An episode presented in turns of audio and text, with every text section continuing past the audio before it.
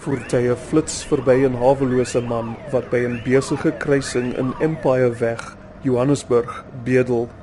Die son het goue strepe in sy stringerige bruin hare gebrand. Sy oë is turkoisblou, sy tawwe vel is koperbruin. Donovan Hermans bly naby die kruising in die rook van karre en onder bome en vuil komberse. Hy is dikwels die eerste persoon op die toneel van die botsings wat bykans elke dag hier gebeur. I've seen a hell of a lot of accidents here. I've seen bikes come down, bikers, I've seen cars trying to make turns, get wiped out by buses or taxis, a hell of a lot of taxi accidents here. Hermans het onlangs gesien hoe 'n vrou doodgery is wat probeer het om oor Empire weg te stap. And she's walking on the island and her phone rings. She takes out her pocket, answers her phone, takes one step into the street, bus hits her, but it hits her in the face, smashes her face completely. Mike 92 control. Send for Mike 92. Thank you, Mike 92. Could you please proceed to the November 1 south before Malibongwe for a motor vehicle accident? Uh, just 10-6. Paramedikus Victor Forendyk ontvang 'n kollega se radiokommunikasie. Hy sê twee woorde som op wat hy gesien het in 8 jaar op Suid-Afrika se paaie. Disorganization and chaos. People always ask us in public, what's the worst thing that you've ever seen? Karre ry teen spoed op die snelweg wat Johannesburg omring. Baie oorskry die spoedbeperking van 100 km per uur. Forendyk beskryf die land se snelweë as hel. Children that have been killed in incidents, motorists that have been ejected from their cars, those types of things. Justice Project South Africa is 'n onafhanklike organisasie wat die implementering van die land se wette monitor. Die voorsitter is 'n voormalige polisiespeurder, Howard Dembowski.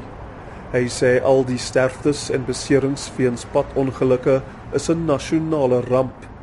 More people are dying on our roads than die in the Middle East in war-torn countries per day. Statistieke Suid-Afrika sê die land se jaarlikse dodetal in botsings op die paaie is nie meer as 5000 nie. Maar volgens die departement van vervoer se statistieke sterf sowat 14000 mense elke jaar in padongelukke. Onafhanklike ontleeders soos Dembowski en Caro Smit van die groep Suid-Afrikaners teen dronkbestuur sê beide getalle is verkeerd. If you're looking at the statistics from the mortuary, it's more likely 20,000 or 25,000 a year. 'n Man lê in 'n hospitaalbed in Johannesburg, sy lyf bebloed en gebreek. Hy was onlangs in 'n kop-aan-kop botsing. Dembowski sê Suid-Afrika se amptelike jaarlikse paddodetal is te laag met goeie redes. Die departement van vervoer hou slegs statistiek van die aantal sterftes op die toneel van botsings. Volgens die Verenigde Nasies se verklaring vir 'n dekade van internasionale padveiligheid wat Suid-Afrika in 2010 geteken het, is die land verplig om die padsterftes van mense wat so ver as 30 dae na 'n ongeluk sterf in sy statistieke in te sluit. Dembowski sê swak statistieke beteken Suid-Afrika kan nie suksesvolle strategieë formuleer om aandag aan die krisis op sy paaie te gee nie. Woordvoerders van die departement van vervoer het nie gereageer op verskeie versoeke vir kommentaar. Dembowski sê so baie mense sterf op die paaie omdat Suid-Afrika se uiters goeie verkeerswette nie goed toegepas word nie. Law-wise, South Africa is right up there with the rest of the world. Enforcement-wise, South Africa is right down there with Kenya, with Nigeria. Die Wêreldgesondheidsorganisasie stem saam. Die liggaam sê wette teen oortredings soos dronkbestuur en spoed word uiters sleg in Suid-Afrika toegepas.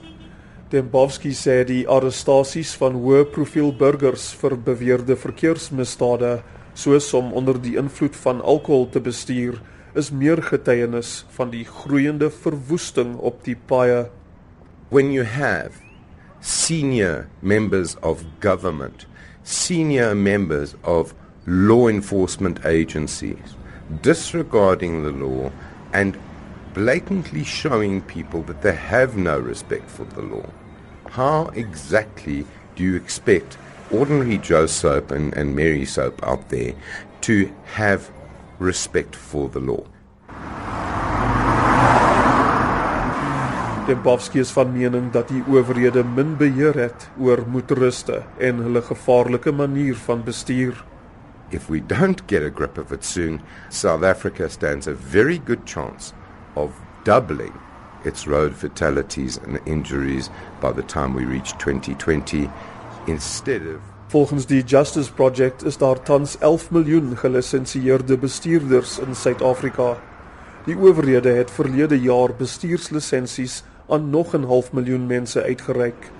Teen hierdie pas, sê Dembowski, gaan die land se paaie in die toekoms baie meer besig wees en baie meer gevaarliker. Ek is Darren Taylor in Johannesburg.